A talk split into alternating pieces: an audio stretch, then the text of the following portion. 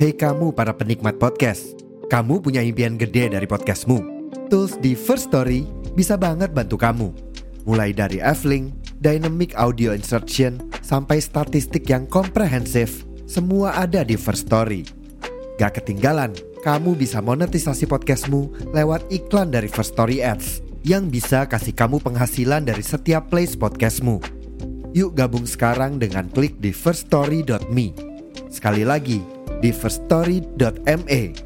Mari kita bawa mimpi podcastingmu menjadi kenyataan.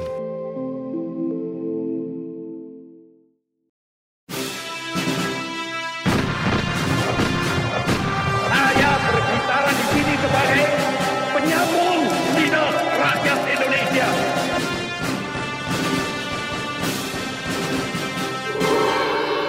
Hai, terima kasih sudah memilih mendengarkan kami, Poseidon, podcast yang bikin kalian gagal move on.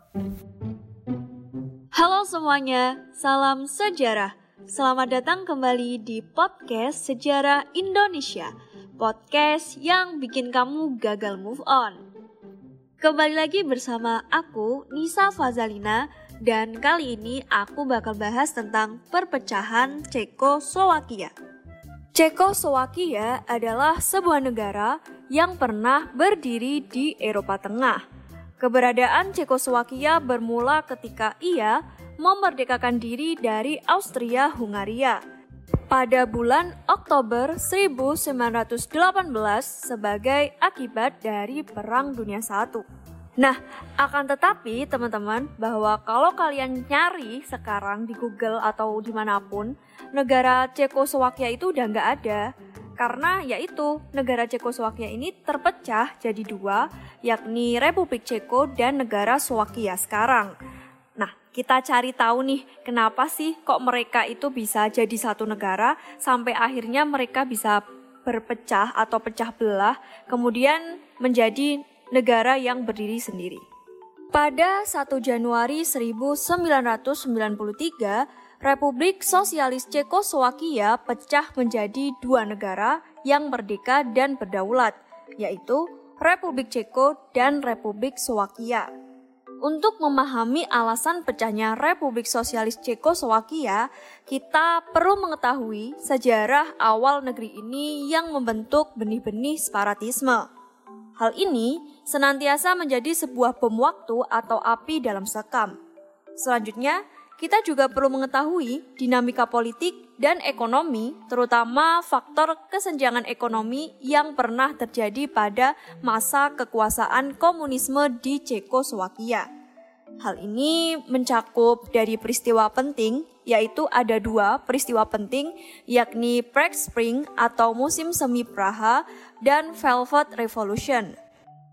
Sebelumnya, kita bahas dulu tentang sejarah bangsa Ceko dan bangsa Slowakia. Bangsa Ceko dan Slowakia pernah dipimpin oleh seorang saudagar asal Kekaisaran Franken yang bernama Samo pada abad ke-7. Sebagai pemimpin, Samo berjuang untuk melawan invasi bangsa Turki yang datang dari Asia Tengah. Sepeninggal Samo, bangsa Ceko dan Slowakia kembali tercerai-berai. Pada 833 Masehi, seorang kesatria bernama Mochmir berhasil menyatukan mereka dan membentuk negara besar bernama Moravia Raya. Pada 900 Masehi, suku Magyar datang dari Asia Tengah menguasai Moravia Raya. Sejak saat itu, bagian timur laut Moravia Raya, Velvidek, yang dihuni oleh bangsa Slowakia dikuasai oleh suku Magyar selama berabad-abad. Sementara itu, bangsa Ceko berhasil bertahan dan membentuk kerajaan Bohemia. Kemudian, sejak abad 10, Ceko menjadi negara bagian dari Kekaisaran Romawi Suci yang berpusat di Jerman. Negara bagian tersebut dikuasai oleh berbagai dinasti, di antaranya dari dinasti Luxembourg sampai dengan dinasti Habsburg.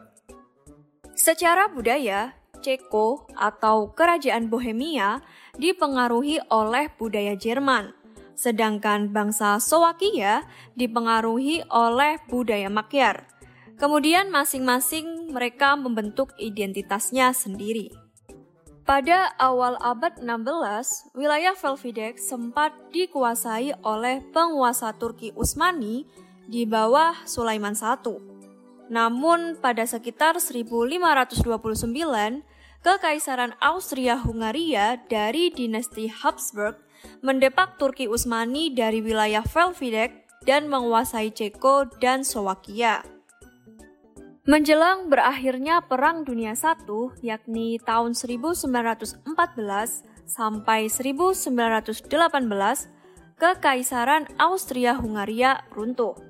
Hal ini membuka jalan bagi terbentuknya negara Cekoslowakia. Untuk mewujudkan hal tersebut, tokoh Cekoslowakia, Thomas Gerig Masaryk, yang mana kelak menjadi presiden pertama Cekoslowakia, beserta para utusan bangsa Ceko dan bangsa Slowakia menghadiri pertemuan di Pittsburgh, Pennsylvania, Amerika Serikat. Pertemuan tersebut menghasilkan nota kesepahaman Pittsburgh pada 31 Mei 1918. Isinya menyetujui pembentukan sebuah negara federal yang terdiri atas dua negara, yakni Republik Ceko dan Republik Slovakia. Selanjutnya, pada 18 Oktober 1918, Thomas Gehrig mengumumkan kemerdekaan Cekoslowakia. Kemudian ia terpilih sebagai presiden pertama Cekoslowakia pada 14 November 1918. Selanjutnya pada masa pemerintahan Presiden Edvard Benes yakni 1939 sampai 1945 dan 1945 hingga 1948 bentuk negara federal dibubarkan, dan sebagai gantinya dibentuklah negara kesatuan. Pada Maret 1939, pasukan Nazi Jerman menguasai Cekoslowakia. Adolf Hitler menganeksasi wilayah Ceko menjadi wilayah kekuasaan Jerman. Adapun Slovakia dijadikan negara boneka atau negara satelit Jerman dengan kedaulatan yang terbatas. Jatuhnya front Timur mencakup Eropa Tengah dan Eropa Timur ke tangan Uni Soviet pada Perang Dunia Kedua, yakni tahun 1939 sampai 1945 yang diikuti dengan kekalahan Nazi Jerman memuluskan jalan bagi Partai Komunis Cekoslowakia atau PKC ke tampuk kekuasaan. Akhirnya, pada 25 Februari 1948, Cekoslowakia berada di bawah kekuasaan PKC. Melalui PKC, Uni Soviet mempersatukan kembali Ceko dan Slowakia menjadi satu negara yang diberi nama Cekoslowakia.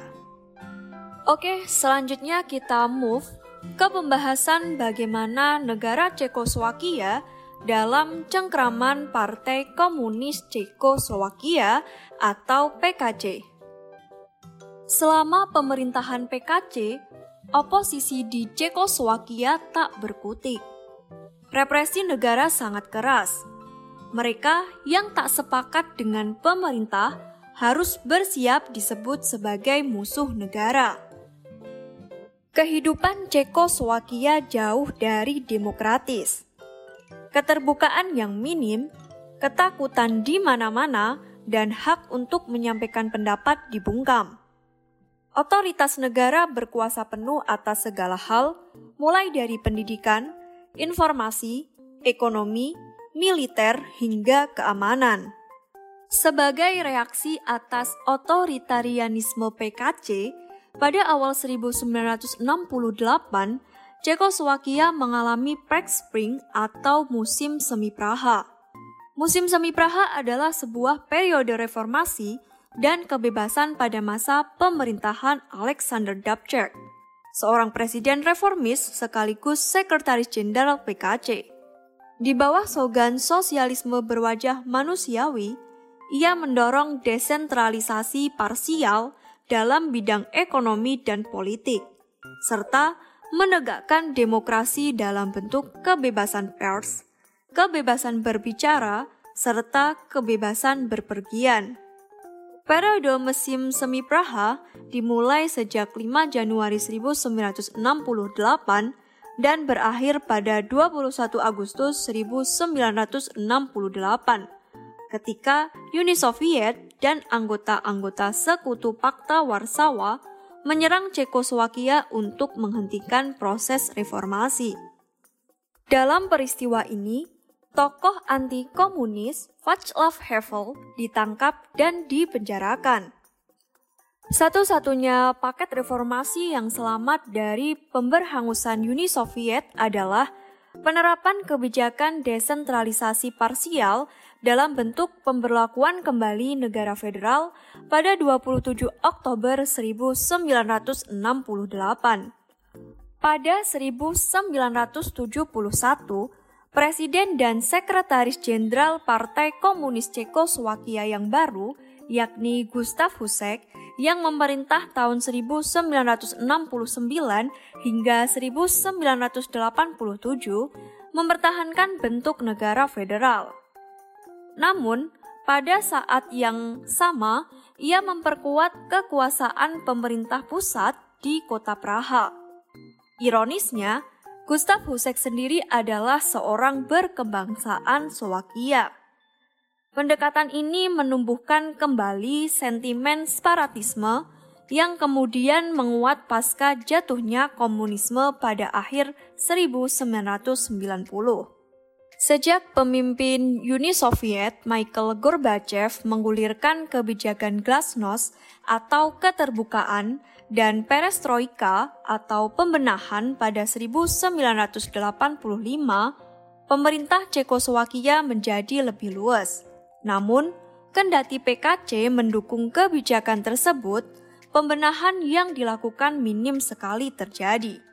Akibatnya, pada akhir 1980-an, ekonomi Cekoslowakia melemah dan konsumsi turun drastis.